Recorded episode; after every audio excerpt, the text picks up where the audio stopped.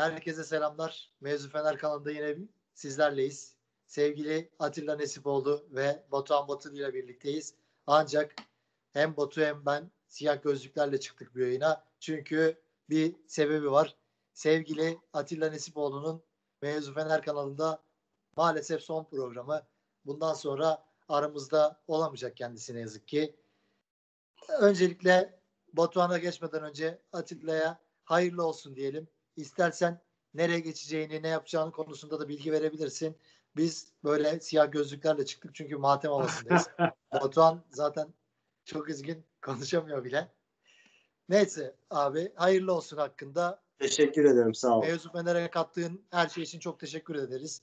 Ve bundan sonraki hayatında sana başarılar diliyoruz. Bizlerle beraber son programları yapıyorsun artık. Pazartesiden itibaren bu arada Batı sırtını döndü.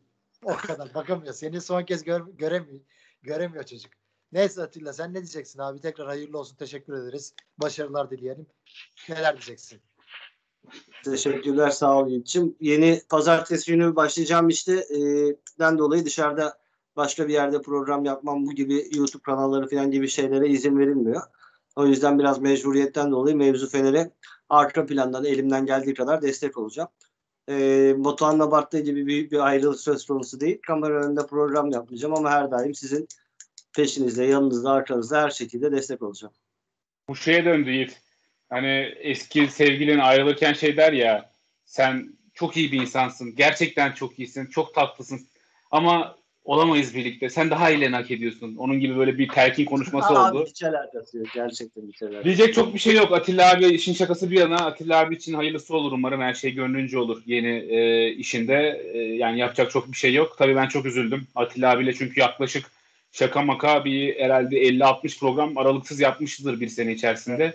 E, benim için çok büyük bir keyifti e, Atilla abiyle birlikte olmak. Üzüldüm yani yalan yok. Belki bir gün ben de ayrılırım. Ne olur ne biter belirsiz ama Atilla abinin ansızın gelen şok ayrılığı e, beni gerçekten derinden yaraladı. daha fazla da uzatmak istemiyorum. Bugün Atilla abi daha çok konuşsun. Onun sesini daha çok duyalım. Bir daha ne zaman duyarız Allah bilir sadece. Kalbim yaralı, gönlüm yaralı. Neyse ben gözlüğümü çıkardım. Batu gözlükle devam edecek yayına. Ben bugün Ama- böyleyim abi. Tamam abi. İsterseniz maça başlayalım. Tabii ki de Atilla son kez bizimle Fenerbahçe maçı değerlendirecek. Fenerbahçe değerlendirecek. Atilla sen neler diyeceksin? Greater Fürth ile oynadık. 3-2 kazandık. Sen maçla ilgili kısa neler diyeceksin? Sonra zaten maçla ilgili gerçi konuşacak çok şey yok ama yine sezon içini konuşuruz. Oyuncuları konuşuruz. Başlayabilirsin abi. Ya aslında e, maçla ilgili biraz benim bugün hani çok konuşulacak daha çok şey olduğuna inanıyorum. Diğer maçlara göre. Çünkü garip bir garip bir şey vardı e, maçta. Bir saniye. E, garip bir şey vardı benim dikkatimi çeken. Maçları erken yani golleri erken bulduk.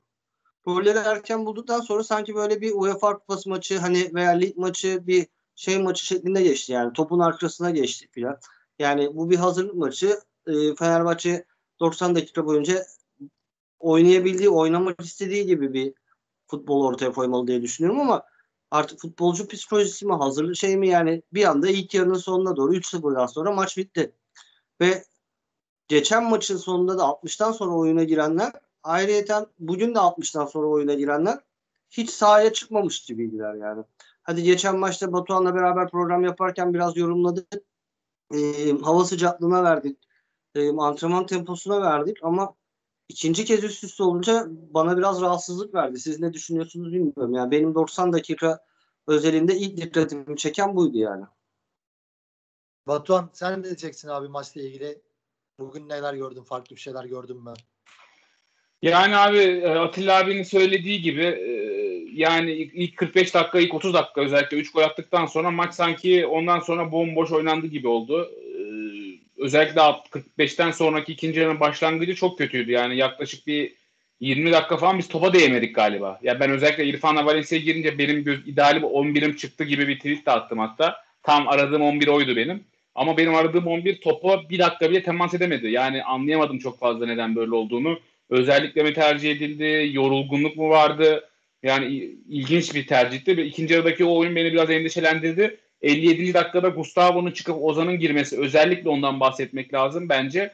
E, oyunu tamamen e, rakibe verdi. Bana biraz şey hatırlattı. Gustavo'nun sakatlandığından sonraki Hatay Spor maçı vardı ya deplasmandaki evet. meşhur. Evet. Ya bir ona döndü o maç yani. Sağdan geldiler, soldan geldiler. Topu 3 saniye bile ayağımızda tutamadık. Ee, yani ikinci yarıdaki o oyun beni biraz endişelendirdi. Gustavo'suz yine bu tip sıkıntılar yaşayacak mıyız sorusunu sordurdu. Ee, onun dışında daha detaya ineriz istersen ilerleyen dakikalarda. Şimdilik yani söyleyeceğim bunlar. Ama Pelkas'ı çok beğendim. En sırada çok beğendiğimi söyleyeyim. Aynen oyuncuları kısaca konuşuruz yani açıkçası senin de dediğin gibi Fener geçen maçtan sonra bu maçta Fenerbahçe biraz daha ideal ilk 11'ine döndü gibi artık. En azından bugün özellikle Ali Koç da açıklama yaptı. 4-5 tane ilk 11'e transfer yapacağını söyledi. Yapacağımızı söyledi. Ama onlar onlara gelene kadar Fenerbahçe en azından Avrupa Ligi eleme maçına, ligin ilk maçına bu kadroyla çıkacak. Artık üçlü savunma oturdu. Tabii üçlü savunma konusunda herkesin bir endişeleri var. Tabii doğal olarak endişeleri var. Sonuçta geçen sizin programda da dinledim tabii ki de söylediğiniz gibi yani üçlü savunmayı bu oyuncular oynamadı. Bu oyuncular herhangi bir şekilde bunu tecrübe etmediler. İlerleyen günler bunu belli edecek ama Vitor Pereira'nın da tabii bu takım için devam ederken bu arayışlar herhangi bir dörtlü savunmaya da geçtiği tek bir saniye bile yok. Hep üçlü Aynen. savunmada ısrar ediyor. Yani Fenerbahçe üçlü savunma artık oynayacak. Bu artık kesin. Ama özellikle ilerideki bek kanat bekleri konusunda yaşanan sıkıntılar ve o oyunculardan nasıl verim alacağımız ve ilerideki forvet oyuncusu da çok önemli rol oynayacak. Batuhan hatta sen şey de istiyorsun. Hızlı bir stoper olması gerektiğini söylüyorsun. Bu da Fenerbahçe'nin sezon ilerleyince sıkıntıları yaşam sıkıntı yaşamaması için bizlere büyük bir veri olacak elimizde. Yani onun dışında üçlü savunmada tabii ki de yerleşim özellikle çok önemli. Çünkü topu kaptırdığın zaman yani çok büyük sıkıntılar yaşayabilirsin. Avrupa'da, dünyada üçlü savunma oynayan takımlara baktığımız zaman topu daha çok ayağında tutuyor ve ileride yaptıklarıyla daha çok etki eden takımlar olduğunu görüyoruz. Çünkü topu rakibe kaptırınca özellikle yerleşmede sıkıntı yaşarsak özellikle bizim yediğimiz ilk golde gördüğümüz üzere yani büyük sıkıntı yaşıyorsun adam bomboş vuruyor golünü atıyor. Bu gibi sıkıntıları yaşayacağımızı şu an düşünüyorum ama ileride bunları tabii şey yaparız. İyi, iyiye çeviririz ama şu aşamada özellikle bu dikkat çekiyor. Atilla sen artık Fenerbahçe'nin en azından Avrupa Ligi eleme maçına bu ilk 11 ile başlayacağını düşünüyor musun? Artık takım oturdu diyebiliyor musun? Batu'ya da aynı soruyu soracağım. Bununla devam edelim. Yani şimdi transfer Ali Koç'un 4 transfer sözü var. Yani direkt 11'e hocamızın isteği doğrultusunda diyor. Şimdi o 4 oyuncu girecek ama bu 4 oyuncu ne zaman girecek? Yani e, hangi kimler yerine var? girecek? Kimler girecek? Hepsi soru. Yani kimlerin kimler girecek? O, onu sonra onu ayıralım sonra konuşalım. 4 transfer nereye kim olur? Yani nereye olur? Kim olur bilemeyiz de. Onu ayrı bir konuşalım. Ama bu 11 beni çok korkutuyor. Ee, yani mesela Ferdi'nin savunma zaafları e, mes- e, iyi niyetiyle oynuyor. Hücumda e, bize katkı sağlıyor. Ama yediğimiz ilk golde yani 3 stoperinle aynı hizada köşede duruyor. Yani ö- öne gelip orada kademe yapması lazım. Ama bunları bilmiyor. Ee, Novak sol stoperde çok güven vermiyor ama onu da çok zorlayacak bir maç henüz oynamadı. E, Tisserant'a en çok bu formasyon Tisserant'a yaradı. Yani e, Atilla Salay da merkezde biraz daha fazla uzun top oynuyor gibi geliyor. Yani bilmiyorum. Çünkü elimizdeki en çabuk orta, savunma oyuncusu o. Merkezde de öyle bir oyuncuya ihtiyacımız var. E, transfer yetişmezse mecbur oynayacak. E, geriye kalan 11 tercihlerinde yani şu anda en formda oyuncular bunlar. Yani Sezon başında hiç aklımızda olmayan Mihail Zayt var. Ee, gidecek gözüyle bakıyorduk. Oradan gelecek paranın hesabını yapıyorduk hatta. Ama Mihail Zayt şu durumda Fenerbahçe'nin en formda oyuncusu Pelkas'la beraber. Ee, Pelkas yine sezona çok iyi girdi. Ee, bugünkü maça başlayan 11'i kenardan gelip de zorlayacak bir oyuncu var mı? Bana kalırsa yok. Hani e, benim tercihim Valencia olabilir ileri hatta. Bir de Mesut Özil'in hala e, yeter kadar hazır olduğunu düşünmüyorum. E, maç eksiği olduğunu düşünüyorum. yani bu maçı kondisyon sezon başı hazırlık kampı yükleme falan değil. Mesut'un düzenli olarak bir şekilde oynaması gerektiğini düşünüyorum ben. Ee, o yüzden İrfan Can benim 11'de tercihim olur ve Valencia'yı da Valencia'yı da sol Ferdi'nin yerine ben sol stoperde değerlendiririm ama hoca bugüne kadar öyle bir inisiyatif almadı. Bir dakika vermedi o bölgede. Ee, Ferdi güven vermiyor. Onun dışında yani ne kenardan gelen oyuncular diğer oyuncular bir ortaya bir şey koyabildi. Ne de öyle bir değer var. Görüyoruz yani iki maçtır 60'tan sonra girilen giren oyuncular arasında İrfan Can dışında bir parıltı gösteren hiçbir oyuncu yok. Ozan Tufan konusuna da herhalde ayrı bir yerde parantez açarız. Onu da konuşmak gerekiyor. Bugün yani bugünün olay oyuncularından biriydi. Yani ideal 11 bundan başka bir 11 olacağını düşünmüyorum. Transferleri hiç hesaba katmadım. Batu sen ne diyeceksin? İdeal 11'i artık buluyor muyuz? Avrupa Ligi maçına, ligin ilk maçına. Sence bu kadro mu çıkacak? Abi yani evet e, en azından ben son programda defans üçlüsü kim olacak falan soru işareti var diyordum. Ya en azından sanki ligin ilk maçına ne olursa olsun Novak, e, Zalai, Tisserand çıkacakmış gibi duruyor. Yani ne kadar yeterli olduğu soru işareti. Bence de Atilla abinin dediği gibi Zalai merkezde e, sol stoperde olduğu kadar parlamıyor bence. E, onu sol stoper çekip bir tane işte daha böyle iyi bir stoper transferi çok bence gerekli bu takıma. Ee, onun dışında Ferdi ile ilgili Atilla abinin dediği hepsine katılıyorum ki hala çok olarak çok iyi test edilmememize rağmen bu maçta bile e, savunma zaaflarını gördük. Burada Ferdi'ye kızmak da yani imkansız. Hiç ondan Aynen. oyuncu kartına uymayacak bir performans bir yerde bir performans bekliyorsun. Elinden geleni yapmaya çalışıyor ki her maç sakatlanman eşinden de dönüyor. Sakatlanıp çıkıyor yani adaleleri falan da kaldırmıyor o 60 metreyi komple taşımaya. Yani o tip bir oyuncu bence de çok zorlama yani orada Ferdi'nin kullanılması. Bana çok makul gelmiyor çok zayıf takımlara karşı kullanabilirsin ofansif güç anlamında ligde. E, ama e, orta üstü takımların hepsi orayı çok iyi şekilde işleyebilir. Yani atletik kanat oyuncuları olan her takım bizi oralardan delik deşik edebilir diye düşünüyorum ben. Ee, onun dışında evet yani Atilla abi %100 doğru. Ya. Gusta, o ilk 11'i zorlayacak yedek oyuncu sıkıntısı çok fazla. Yani bu takımın hep çok fazla oyuncusu var, çok geniş kadrosu var diyoruz ama öyle bir kimya sıkıntısı var ki yani 20 30 tane oyuncu var diyoruz. Forvet yok. Gustavo'nun yedeği yok kanat bekleri yok. Ya ben de şunu sormak istiyorum size. Ya sizce bu kadro e, üçlü savunma oynamaya elverişli bir kadro mu? Diyoruz ki bu kadro üçlü oynasın diyoruz. Eksikler ne diyoruz? İki tane kanat bek diyoruz. E, o zaman üç, ya, hiç kimse yok ki yani üçlü taşıyacak hiçbir oyuncu yok bu kadroda aslında. Yani üçlü oynamak bence de şu anda güzel bir mantık Türkiye Ligi açısından. Çünkü oynayan takım çok az. Belki ligi kırabilirsin oturtursan sistemini. Ama oyuncu profili bakımında, bakımından baktığımızda e, üçlüye çok bence e, uymayacak oyuncular var. Kanat beklerimiz yok dediğim gibi. Bir tane öyle bir hızlı stoper eksiğimiz var. Forvetimiz zaten herhangi hiçbir formasyona uygun bir forvetimiz yok. E, bu da sıkıntı yaratıyor maalesef. Ya ben şey diye düşünüyorum zaman zaman düşününce yani acaba Fenerbahçe farklı formasyona geçebilir mi de hem Ozan'ı da satmadığımızı düşünüyoruz tabii. Sat, satılabilirdi Ozan da. Ozan'ın sağ bek oynadığı bir dörtlü savunma acaba olabilir mi? Onu diyecektim değil. E, ya benim Pereira ile ilgili bir eleştirim şu olacak. İki tane şeyi neden hiç denemediğini anlamadım. Bir Atilla abinin söylediği Valencia'nın solda en azından denersin. Yani forvet geldiğinde çünkü bir forvet transferi yaptığında Valencia'nın pozisyonu kalmıyor ta- takımda. E dene yani. Denemekten bir zarar çıkar mı? Ben bir de bir zarar çıkmazdı. Hiç denemedi. Ve bir tanesi de Ozan Tufan'ın sağ kanat beki olarak denenmesi. Yani bir dakika bile oynatmaması, hiç düşünmemesini ben hiç anlamadım yani. Bu ikisi bana çok tuhaf geldi e, Nazım'ın sağ stoper olarak bile denendiği ortamda bu ikisinin denenmemesi çok tuhaf bence. Acaba şey olabilir mi Batu? Şu an düşündüm tabii de. Yani Ozan'ın acaba satılacağı haberi Vitor Pereira'ya gitti mi? Ozan'ı satacağız biz zaten. Çok kadroya durmaya çalışmana gerek yok tarzı bir şey olmuş Bilemiyorum abi. Yani bilemiyorum. Hiç Ozan'la ilgili bir haber de görmüyorum. Crystal Palace çok istedi bir dönem. Şimdi Patrick Vieira teknik direktörleri oldu. Tekrardan adı geçiyor ama piyasası epey düştü. Milli takımdaki performansı üstüne. Yani 3'e 5'e bakmadan satılır mı bilmiyorum ama Zayt'ın bu performansıyla birlikte yani Ozan'a hiç yer kalmıyor bence. Bence Zayt'ın yedeği bu takımda Mert Hakan olur. Oyuncu profili anlamında çok uyum. İkisi birbirine çok yakın oyuncular bence tarz anlamında.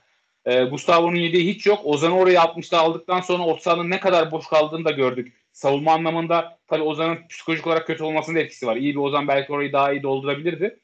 Ya bence Ozan'ın satılması gerekiyor ama satılacak mı ne olacak tamamen soru işaretleriyle dolu yani sat, satmak da ayrı bir dert. Almak ayrı dert. Doğru. Atilla Batu'nun sorusuna sen ne diyeceksin? Ya Ozan özeline mi geçtik? Ozan'dan Ozan'dan devam edelim. Tamam, devam Veya şey ha, önce şeyi söyleyeyim. Dörtlü savunma oynar mı? Ee, yani bilmiyorum Batuhan şimdi dört tane transfer diyor ya. Mesela e, Ali Koç. iki kenar beki, bir stoper, bir forvet geldi. O zaman da üçlü savunma tamam Tabii diyebiliriz. tabii. Tabii tabii. Çünkü bir kenar bekinin e, geldiğinde yedeğini Caner yaparsın. Sol kenar bekinin. E, sağ kenar bekinin e, yedeğini Osay Samuel yaparsın. Forvet'te zaten alternatifler var. E, stoperde e, merkezde oynayabilecek çabuk bir stoper gelirse onu bir şekilde ikame edebilirsin şeylerle. O zaman kadro bir yere oturuyor. E, ama dört transfer başka türlü pozisyonlara gelirse mesela dört transferden bir tanesi diyelim ki e, Pereira'nın istediğini biliyoruz. E, orta sahaya geldi. 6 numara. Geldi oraya alındı mesela. O zaman gerçekten e, elzem olan dört bölgeden birinden vazgeçince o e, yani 4-2-3-1'e falan dönmek daha mantıklı olur. E, Pereira'nın o konuda biraz endişem yok. Yani dediğim gibi Pereira e, lig başladığında bile geçen sefer lig başladığında başladıktan sonra e, Soğuk'un gidişiyle Bart'ta eldeki kadro bu ona göre bir şey çıkarttı. E, orada doğruyu bulacağına eminim ama senin söylediğin konu bence önemli. E, Ozan Tufan'ın sağ kenar beki denenmesi. Ben hatta geçen programda da söylemiştim. O benim hayallerimden biriydi. Hiç fırsat olmadı. E, orta sahada 60'tan sonra girip iki maçtır yürüyen yediğimiz rolde böyle önde hamle yapma imkanı var. Hamle yapmadı. Bekledi. Rakip oyuncuyu aldı. Orta sahada yan, önündeki adama pas atıldı. Takip etmedi. Koşmadı. Adam yürüyerek Zanka'yı da geçip gol attı. Şimdi bu durumda olan bir oyuncuyu pozisyonun dışında sağ kenar beki e, denemek de çok makul gelmiyor bana. Çünkü e, yani ona inandıramam, inandıramazsın. Yani bence Ozan'daki problem bu seneyi yani Fenerbahçe'de geçireceğini düşünmüyorum. Yani şu an öyle gözüküyor. Ama Ozan sezon içinde inişler çıkışlar tepe noktalarını görebilen bir oyuncu. Belki kafasındaki soru işaretleri çözülür. Fenerbahçe'ye orta sahada faydalı olur. Hiç bilemiyoruz. Yani ne desek boş aslında. Şimdi mesela şeyi övüyoruz. E, Mihail Zays'a övüyoruz. Yarın akşam veya bu gece saat 12'de 3,5 milyon euroya gitti deseler biz yönetime bir şey diyemeyiz. Çünkü gel e, birçok oyuncunun gitmesi lazım. Bugün Zanka bile e, geldi oyuna girdi. Halini gördük yani.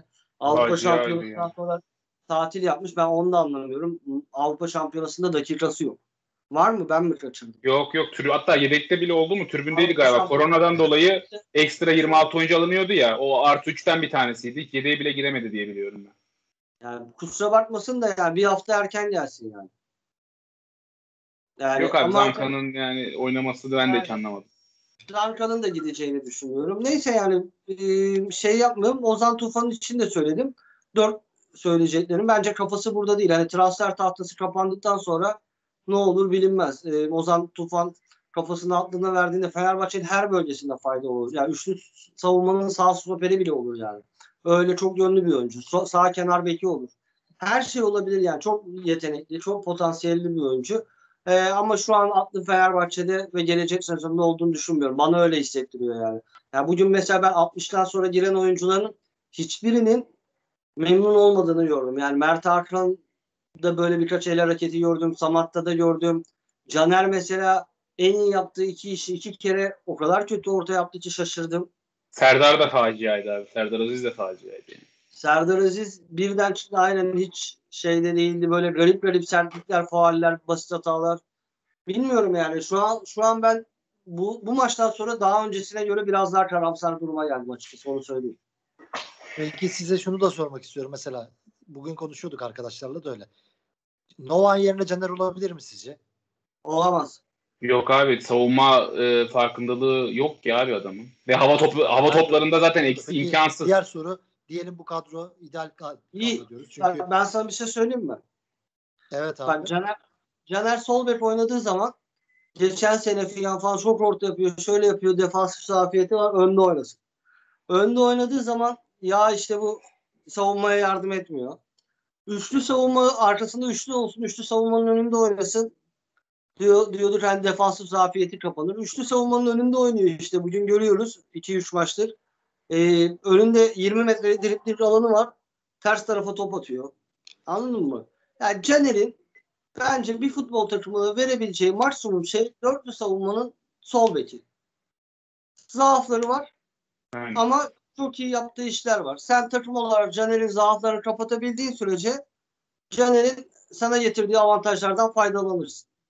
Özellikle kapanan takımlara karşı baskı kurduğun anlarda 70'ten sonra böyle doldur boşalta dönen garip oyunlarda filan Caner sana her türlü bir şey çıkartır. Korner çıkartır, yan toplarda bir şey çıkartır.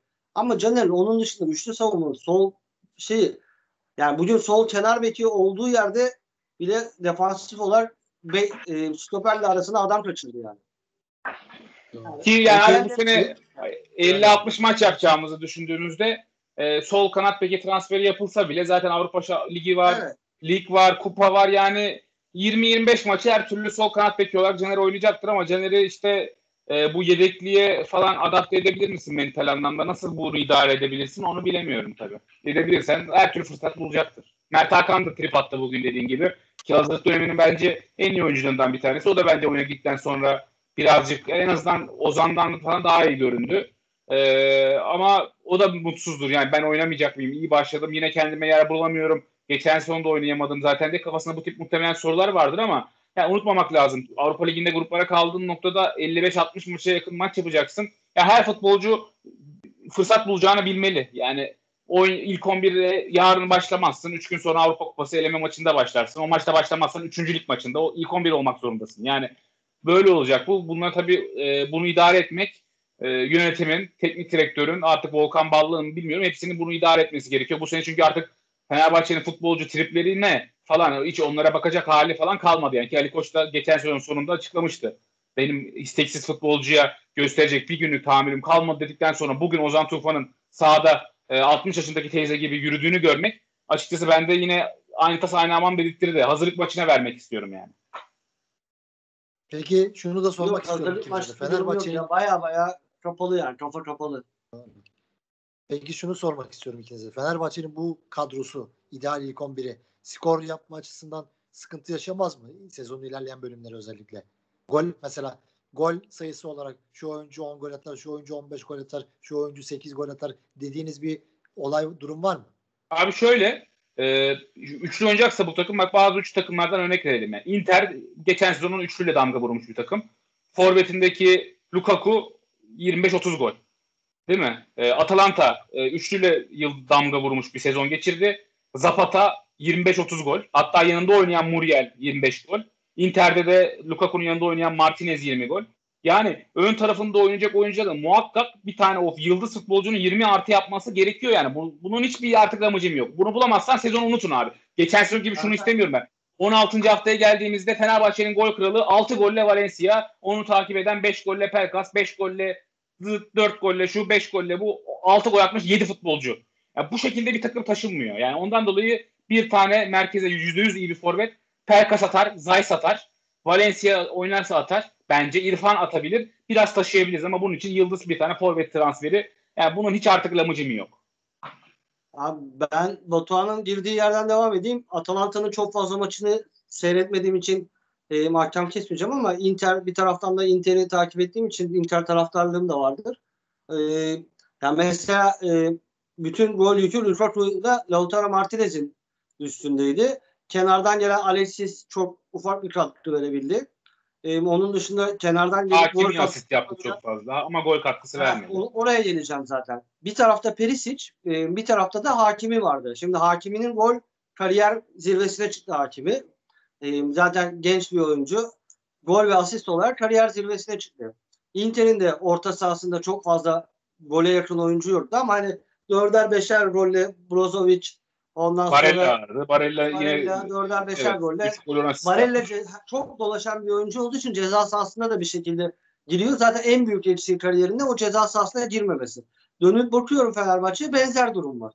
E şimdi forvet kim olacak soru işareti. Yani gelen forvete geçen seneki Samat'ta hayal kırıklığı ya- yaşadığın anda bu sistemi devam ettirmene imkan yok. Yani gelen oyuncu minimum 20-25 golle oynaması lazım. Çünkü tek forvet oynayacak ve arkadaki oyuncularla dan katkı alabilecek bir durumda değiliz. E, mesela Perisic'in yerine Valencia'yı koyuyorum. Oradan da bir Perisic performans gelir. 10 gol, 7 gol, 8 gol.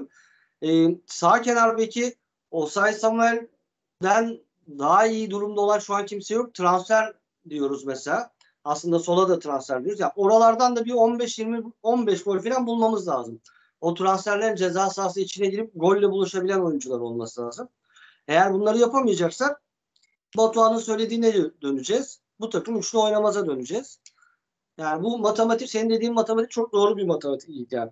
Gerçekten tahtaya yazıp öyle düşünmek lazım. Yani sezon sonunda 50 maç sonunda takımın 90 gollere falan nasıl çıkacağını düşünmesi lazım teknik direktörün. Peki Vitor Pereira'nın siz üçlü savunmada ısrar edeceğini düşünüyor musunuz yoksa hayır üçlü savunma olmadı ben dörtlüye geçiyorum diyebileceğini düşünüyor musunuz? Abi Batu. kesinlikle diyebilir. Yani üçlünün işlemediğini gördüğü noktada kesinlikle dörtlüye dönebileceğini düşünüyorum ben. Zaten e, Atilla abi söyledi yani Sov'la başladı sezon 4-4-2 başladı 4-3-3'e döndü. İşte Monaco maçında bile üçlü denedi ki o zaman üçlü oynayan takım yoktu. Yani o esnekliğe sahip bir teknik direktör. Her an e, işlemediğini gördüğü saniye maç içerisinde bile bir anda takımı dörtlü görebilirsin bence. Ya ben o konuda çok bir e, şüphe duymuyorum. Ama keşke üçlüye adapte olacak kadroya bir anda ulaşabilsek. Ben üçlü oynamasını çok istiyorum Fenerbahçe'nin. Yani böyle net e, bir üçlü oynarsak ben ligi bozabileceğimizi düşünüyorum. Çünkü bu ligdeki herkes 4-2-3-1 oynuyor. Artık hani artık hani ezberlenmiş bir durumda bu 4-2-3-1. Onu bozacak bir 3-5 üçlü bir oyun ortaya koyarsak Chelsea'nin hatırlar mısınız? Conte'li bir sezonu vardı. Dörtlü başladığı bir sezon. Çok kötü giden bir sezon. 8. haftada falan bir anda üçlüye döndü ve 8. haftadan ligin sonuna kadar bütün maçları kazandı. Premier Lig'de o zaman üçlü oynayan takım yoktu. Lig bozulmuştu bir anda. Domine etmişti Chelsea ligi. Ondan sonraki sezon böyle 10 takım falan üçlü oynamaya başlamıştı. Yani Aspilicueta'nın falan olduğu zaman. aynen. Aynen. David Luiz Aspilicueta'nın olduğu zaman. değil mi o? Conte evet, üçlüsü. Tabii. Evet. Aynen abi. Conte ile üçlüydü ve ligi bozmuştu. Ondan sonra bir anda Premier Lig'de üçlü e, dalgası oluşmuştu tüm takımlarda. Neden Türkiye'ye bunu biz yapmayalım? İlk yapan biz olmayalım. Antep dışında üçlü oynayan takım yok. Ama bunun için işte Atilla abinin dediği gibi kanatlardan e, 10 gol yani birinin 5 gol, birinin 7-8 gol atacağı öyle oyuncular bulmak zorundasın. Yani bunun çok başka türlü açmak için ya öne iki tane forvet atacaksın. Böyle Bupenza, Sörlot atıyorum yani isimleri. Arkasında bir tane on numara gibi Pelkas oynayacak. E o zaman Mesut'la İrfan ne yapacak belirsiz. Yani işte hocalık gerektiren şeyler abi bunlar. Bizden çok hocanın düşünüp bulacağı şeyler.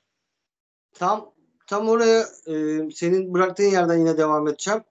E, şöyle mesela gidi, biz transferler üzerinden konuştuk ya program başından beri. Dört transferi, iki kenar beki, e, bir savunma, bir forvet diye şey yaptık. Mesela e, gidenler üzerinden de aslında değerlendirmek lazım. Hani istemiyoruz. Sezona çok formda girdi ama e, Pelkas'ın satışı mesela bu sistemi değiştirir. Yani Pelkas gittiği anda Fenerbahçe o forveti tekniğinin arkasındaki iki on numaradan vazgeçmek zorunda kalacak. Evet. Çünkü ne olursa olsun yeteneklerinde tartışma tartışmıyorum ama İrfan Can oradaki on numarayı oynayacak adam değil. Yani iki forvetin arkasına veya tek forvetin arkasına oynayacak on numara değil. İrfan Can'ı e, kenar kenar oyun kurucusu olarak düşünmek zorundasın. Yani başka bir rol e, biçmek zorundasın. Ama tek forvetin arkasında on, çift on numara hani bir bölgede dolaşan bir şekilde oynayabilir. Yani şu andaki sistemde sağda oynayabilir. Ama e, tek on numara oynayamaz. O zaman ne yapacaksın? Çift forvete dönüp Mesut'u arkasına koyacaksın. Yani 4-3-1-2 gibi İrfan Can'ın da 3. orta saha falan kullanabiliyorsun. Yani giden oyuncular da aslında bir anda bizim e, sistemimizi, seyrimizi her şeyi değiştirebilir. Yani Ozan ayrılığını düşünüyoruz ama ortada bir Pelkas gerçeği de var. Yani Pelkas'ın da talipleri olduğunu biliyoruz. Mesela Pelkas'la yollar ayrılırsa ne yapacağız? O zaman başka bir şey konuşacağız. Çünkü e, Pelkas olmadığı zaman şu sistemde forvetin arkasındaki ikinci on numara rolünde yani Pelkas Mesut başladı ya bugün. Pelkas forveti ikileyebilen bir oyuncu. Ama Pelkas'ı denklemden çıkarttığın zaman onu ikileyebilecek oyuncu yok. O zaman ikinci oyuncu forvet e, yapacaksın. Yani gelen transfer yanında mesela Samat'ta. E, Samat'ta da mesela e, gidecekler arasında gösteriliyor ama pek talibi de yok gibi. Onu da bir analım. Bugünkü vuruşunu da çok beğendim yani. Topu kontrol edip diziye indirmeden tek vuruşu geçen sene hiç görmediğimiz şeydeydi. E, belki ikinci forvetin yanında Samatta'dan da verim alabiliriz. Yani gerçekten her şeyi yani şu an biraz şey o gibi oluyor yani biraz boşa konuşuyoruz gibi geliyor bana. Aynen abi. Doğru, Çok belirsizlik var. Konuştuklarımızın toplamını bir anda hani masaya yazarsın yazarsın silersin ya yani Aynen transfer son gününde geçen sene Beşiktaş'ın Gezal'la e, Rozier'le yaptığı gibi hepsini silip e, bambaşka bir kadro yazıp bugün Twitter'da gördüm hani şu oyuncuyu yazarsın bunu yazarsın 8 oyuncu. Yani hepsini silip baştan yazmamız gerekebilir. Öyle de olacak gibi geliyor bana yani. Şu an öyle geliyor yani. Ben şunu Yok, söyleyeyim ben abi. şey- Söyle. Söyleyin. Söyler yok söyler ben sonra girerim. Ya ben şey düşünüyorum ama mesela bir yandan Vitor Pereira'nın bu üçlü savunmada ve bu kadroda ısrar edeceğini düşünüyorum. Böyle bir en azından 10 hafta bu kadroyla devam edeceğini düşünüyorum. Ama bir yandan da birden bu sağ transferler gelmeden Caner'i dediğimiz gibi bizim en iyi yaptığı iş Atilla da söyledi az önce. Caner'i sol beke koyup Ozan Tufan'ı sağ beke atıp direkt 4-4-2 4-2-3-1 hatta tarzında bir taktiğe de dönebileceğini düşünüyorum. Hem iki oyuncuyu değiştirip mesela takım içinde de. Batu sen devam edebilirsin. transferler gelmezse onun hatta beklemez Pereira. İmkansız bekleyemez ya. Bak bugün Osay Samuel'e 20 dakika top değmedi. Pozisyon almasını bilmiyor. Yani Ferdi mesela biliyor. Ferdi'ye niye top gidiyordu Osay Samuel'e gitmiyor. 20 dakika bugün çok merak ediyorum. İşte hazırlık maçı olduğu için istatistikler çok az. Belki siz bakmışsınızdır. Osay Samuel ilk yarıda kaç kere topladı topunu? Hani bir penaltı pozisyonu var. Yoktu istatistikte. Yani Mesut Mesut da bu arada yani Mesut da faciaydı. Mesut da 15 dakika top değmedi. Onu da Evet yani- yani onu neyle açıklayacağız onu bile bilmiyorum ben. Batu sen Yani devam Mesut, Mesut'a top. Mesut'a top ne zaman değdi biliyor musun? O biraz Mesut'un suçu değil. Mesut e, Pelkas'la yer değiştikten sonra Mesut'a top değdi. Mesut'la Pelkas her yer değiştirdiğinde sağ tarafa giden oyuncu gözden kayboldu. Pelkas da sağa gittikten sonra kayboldu. Hani bir derin koşusu var. Onun dışında pozisyon yok. Oyun soldan akıyor. Niye? Sol kenar beki oyunu açıyor. Pozisyon boşa çıkıyor. Top alıyor. Ama o Saysam var ne yapacağını bilmiyor. Başı kesik tavuk gibi dolaşıyor. Doğru zaten üçlü savunmanın becerebilmen için yani yerleşim çok önemli yani. Herkesin sahadaki Aynen. bütün 11 11 oyuncunun da çok iyi yer alması lazım. Fenerbahçe bunu yapması lazım. Senin de dediğin gibi o sayı şu an onu pek beceremiyor gibi ama mecbur olduğumuz için de hoca onu deniyor şu an. Batu sen devam et abi istersen. Abi bu arada ben e, yani Nazım'ın Osay'dan daha iyi sağ kanat beki olabileceğini düşünüyorum. Yani benim düşüncem temposundan dolayı e, Osay'dan bir şey görmüyorum. Herkes bir Osay Samuel e, şeyine girmiş durumda. E, bir hype'ına yara- girmiş durumda ama ben bir şey göremedim. Yani hiçbir şey göremedim hatta.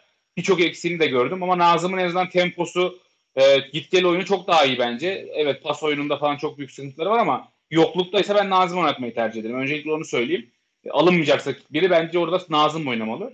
Ki şunu söyleyeceğim size yani komik bir şekilde Fenerbahçe'de e, iki kanat bir alınacaksa, bir forvet alınacaksa Fenerbahçe'nin yabancı sıkıntısı da o yani. 14 tane Türk'ümüz var, 3 tane Türk oynatamayabiliriz yani. Altay, e, ikincisi İrfan ya da Mesut desek aynı anda oynamazlar. İki. Üçüncüsü kim olacak? Bek alıyorsan, stoper alıyorsan, forvet alıyorsan. Doğru. Bu da bir sıkıntı. Yani e, bunun hepsi bir farklı bir denklem ortaya çıkartıyor. Yani 10 tane yerlin var diyorsun. Üçüncü Türkiye yazacak yerin yok. Yani bu sıkıntıya girebiliyorsun. Ondan dolayı e, ben Nazım'ın sağ kanat beki olarak oynayabileceğini düşünüyorum. En azından güzel bir sistem kurulduğunda. Onun dışında şunu diyecektim ben ilk. Ya bugün ben Pelkas'a bayıldım. Yani harika bir performans sergiledi bence. Bir şeyi hatırlattı bana. Milli takımdaki Insigne'yi hatırlattı ya. Insigne gibiydi bence. Ve birçok pozisyonu soldan topu aldı, içeri girdi, oyunu domine etti yani resmen. E, Mesut attığı ara pas, e, Zayt'a attırdığı golden önceki o içeri girişi çok istekliydi, çok arzuluydu. Hiç durmadı. Yani Pelkas satılabilir dedi Atilla abi. Evet satılabilirdi ama benim duyduğum kadarıyla teklifler de çok düşük kalmış. Yani Pelkas'a böyle bizim beklediğimiz paraların yanına bile yaklaşılmıyor. Sonuç olarak yaş olarak da çok genç bir oyuncu değil. E, Pelkas'ı da 5-6 milyon euroya satar mısın? Ben asla e, yani yanına bile yaklaşmam. Adını yani hiç alakası yok derim yani. Ki ben hiç satılmaması gerektiğini düşünüyorum. Yok oluruz bence Pelkas'ı satarsak. Tabii yerine gidip iki tane dediği gibi Atilla abinin canavar gibi forvet alma planı varsa o başka bir şey. Ama e, bu düzende ben e, Pelkas'ın tahtaya hemen ilk yazacağın oyunculardan biri olacağını düşünüyorum. Bence de hele mesela insanlar de. Mesut, Mesut Özil'den çok ümitli. Mesut'u ilk 11 olması gerektiğini söylüyorlar. Ya size onu da sormak istiyorum. Mesut Özil ya açıkçası ben büyük bir problem olduğunu düşünüyorum. Yani keşke bir şeydi gerçi tam diyemiyorum yani teklif gelse satılsa yani satılsa Fenerbahçe ne kaybeder? Bundan açıkçası emin değilim. Sonuçta sahada herhangi bir şey verdiğini görmüyorum. Vermediği sürece de bir kalitesi var diye de aa Mesut Özil işte bekleyelim her şey yapabilir ama işte onu yapacağının bir garantisi yok. Yapma ihtimali de çok yüksek değil eski oranında. Çünkü Mesut da belli yaşa gelmiş oyuncu. Yani bu yüzden Mesut'un da önceki Vitor Pereira dönemindeki Van Persie gibi bir problem yaratacağını düşünüyor musunuz siz? Bunu da sormak istiyorum size. Atilla abi cevap versin önce ben sonra yorumlarımı yapayım. Abi yani ben geçen programda da söylemiştim. Yiğit sen yoktun aramızda.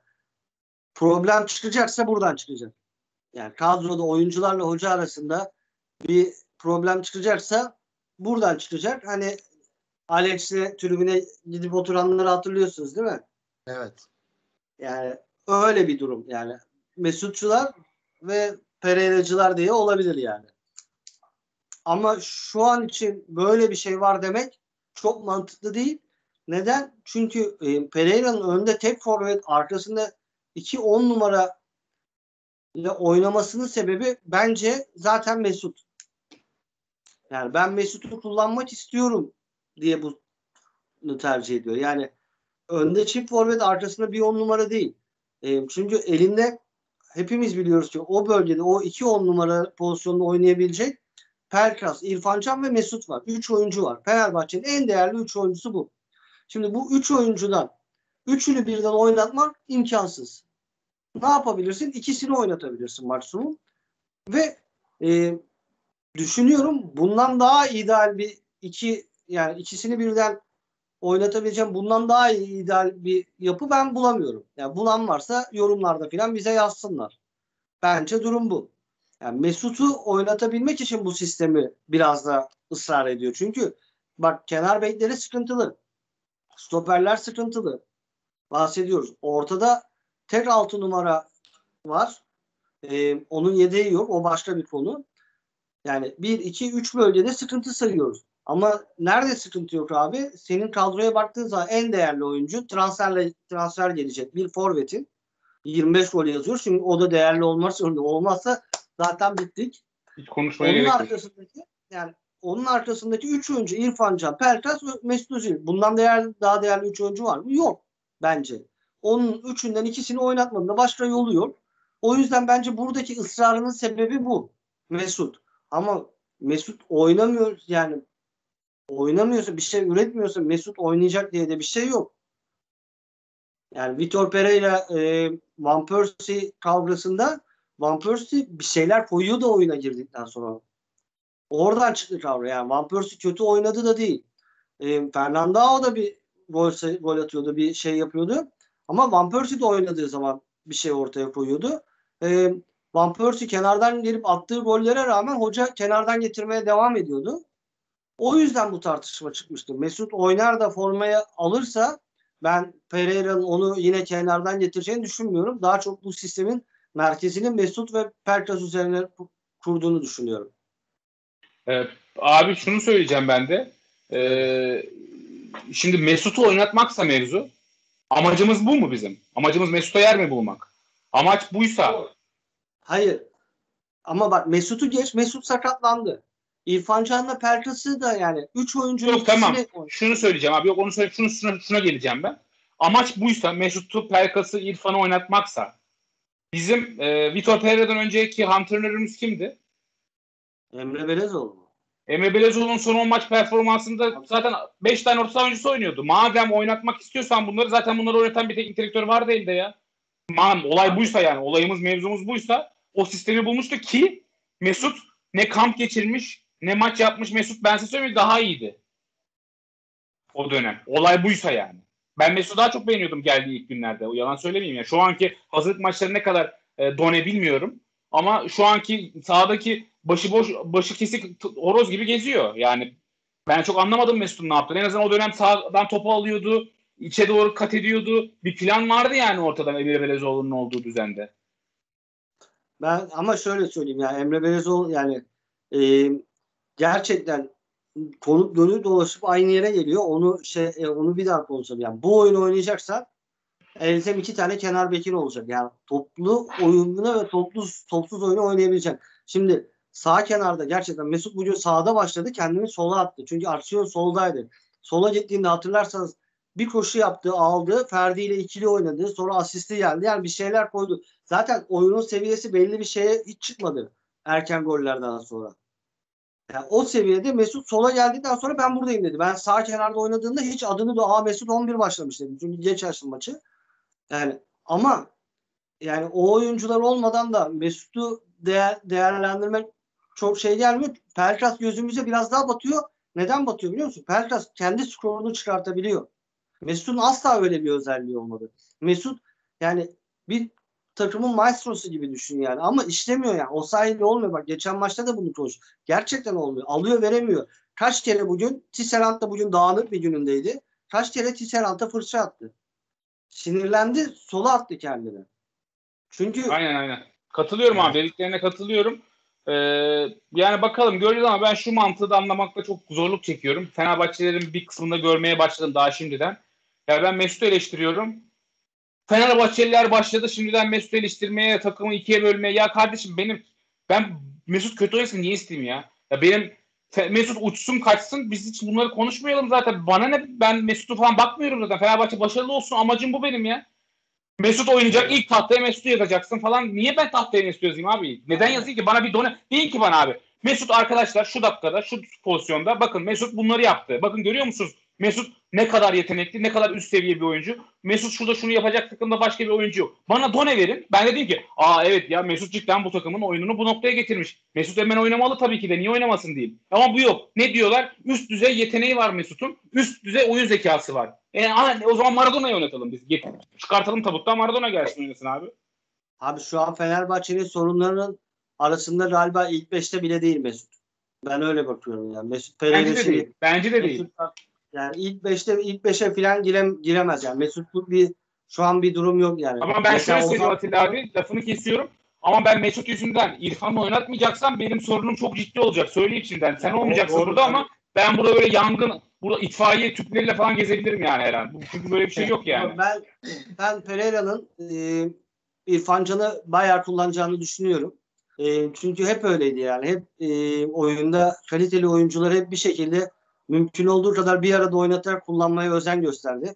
E, ama mesela Ozan Tufan'ın durumu bile bence Mesut Özil'in durumundan iki, iki kademe falan daha önde bir sorunumuz var. Gerçekten başka sorunlarımız var. Hani bunda gündeme daha şimdi de hiç yokken gündeme getirenler bence Doğru. iyilik yapıyor. Neyse programın artık sonuna geldik. Var Gelmeden var abi son bir şey istediğiniz bir söyleyeceğim. şey. Son bir şey ekleyeceğim. Sonra zaten Atilla abiye bir veda bu sisi göndereceğim gözlüğümü çıkartıp. Ee, şunu demek istiyorum. Atilla abi dedi ya bu ikisini üçünü oynatacak başka bir sistem yok yani. Ben hemen bir şey söyleyeyim. İlla buysa mevzu. E, Dörtlüye dönersin abi. 4-2-3-1'e dönersin. Mesut'un hep Arsenal'de oynadığı, Real Madrid'de oynadığı düzen. Forvet arkasına Mesut'u koyarsın. Sağ tarafa İrfan'ı koyarsın. Sol tarafa Pelkas'ı koyarsın. Ne kadar yeterli olur bilmiyorum ama yani yaparsın. İstersen, istiyorsan bunu yapmak. En azından İrfan'la Mesut'u yan yana koyabilirsin. Ben asıl üçlü düzeninde Mesut'la İrfan'ın ve Pelkas'ın üçünün birlikte oynama ihtimali sıfır zaten. Onu geçiyorum. E, iki tanesini oynatmak zorunda kalıyorsun. E, Mesut'u %100 tahtaya yazıyor arkadaşlar. Ben de yazıyorum Mesut tahtaya. E, o zaman Pelkas ve İrfan'dan bir tanesini ben oynatmamak zorundayım. En olgun, en verimli çağında olan, en şu anda Fenerbahçe'nin bir şeyler beklediği iki oyuncudan bir tanesini ben e, Mesut'un e, üstün yetenekleri ve olağanüstü e, oyun zekası nedeniyle oynatmamam gerekiyor.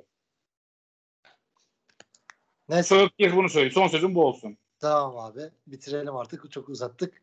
Atilla sen neler diyeceksin? Maçla ilgili değil artık bizle ilgili, mevzu Fener'le ilgili. Çünkü bu son programın. Bizi izlemeye devam edin diyeyim. Ne diyeyim yani. Ben yok Yani. ben yokken bile e, Fenerbahçe taraftarının şey yani bizi izleyenleri bu, bu günlere kadar gelmemizi sağlayan destek olan herkese e, teşekkür edip izlemelerine devam etmelerini rica edeceğim. Başka da bir şey söylemeyeceğim. Batu sen neler diyeceksin? Vallahi yani komutanını kaybetmiş bir asker gibi hissediyorum kendimi. Yani bir savaşı kazanmam isteniyor benden. Ama bu savaşı kazanmam için en önemli kişi, en önde olması gereken kişi arkadaşlar benim başka kıtada bir savaşım çıktı. Ben kaçıyorum. Siz ama benim yerime bu savaşı idare edeceksiniz diyor. Ee, yani komutanı ne kadar dinlersin Yiğit bu böyle bir noktada bilmiyorum. Ee, üzgünüm ya. Çok çok seviyordum Atilla abiyle programları. Sanki hiç bitmeyecekmiş gibi. Belki ayrılan ben olacaktım ilk. Ama ben olmadım. Atilla abi oldu. Ondan dolayı hani ben böyle takılıyorum ama Atilla abiyi çok sevdiğim için böyle takılıyorum. Asla yanlış anlamasın. Ee, umarız yani kendisi adına güzel bir şeyler olur. Biz tabii görüşmeye konuşmaya her zaman abi. devam edeceğiz. Ee, ama maalesef program anlamında Atilla abiyle son programımız oldu. Ee, biz izleyenlere teşekkür edelim. Bundan sonra artık Yiğit kimle çıkar bilmiyorum ama Atilla abiye en son dedim ki ben judo programına çıkmadığı kaldı dedim. Yazın yıldızı dedik. 3 saniye sürmedi tamamen ayrılması. Şokum daha devam etsin. Bir an önce bitirelim basket programı yapacağız mevzu Fener'e. Son kez Aynen doğru son, program son veda programı. Neyse o zaman kapatıyoruz. Ağzınıza sağlık Tamam beyler. abi. Batuhan Görüşmek çok üzere. teşekkürler. Atilla sana da çok teşekkürler. Atilla abi. Bizi izleyen herkese de teşekkür ederiz. Ve Şöyle Atilla'lı son Mevzu Fener yayınından hoşçakalın. Bizi Hoşçakalın. izlemeye devam edin. Teşekkür ederiz. Hoşça. Kalbim yaralı. Kapat. Kapatacağız. o kayıt durur inşallah. Buraları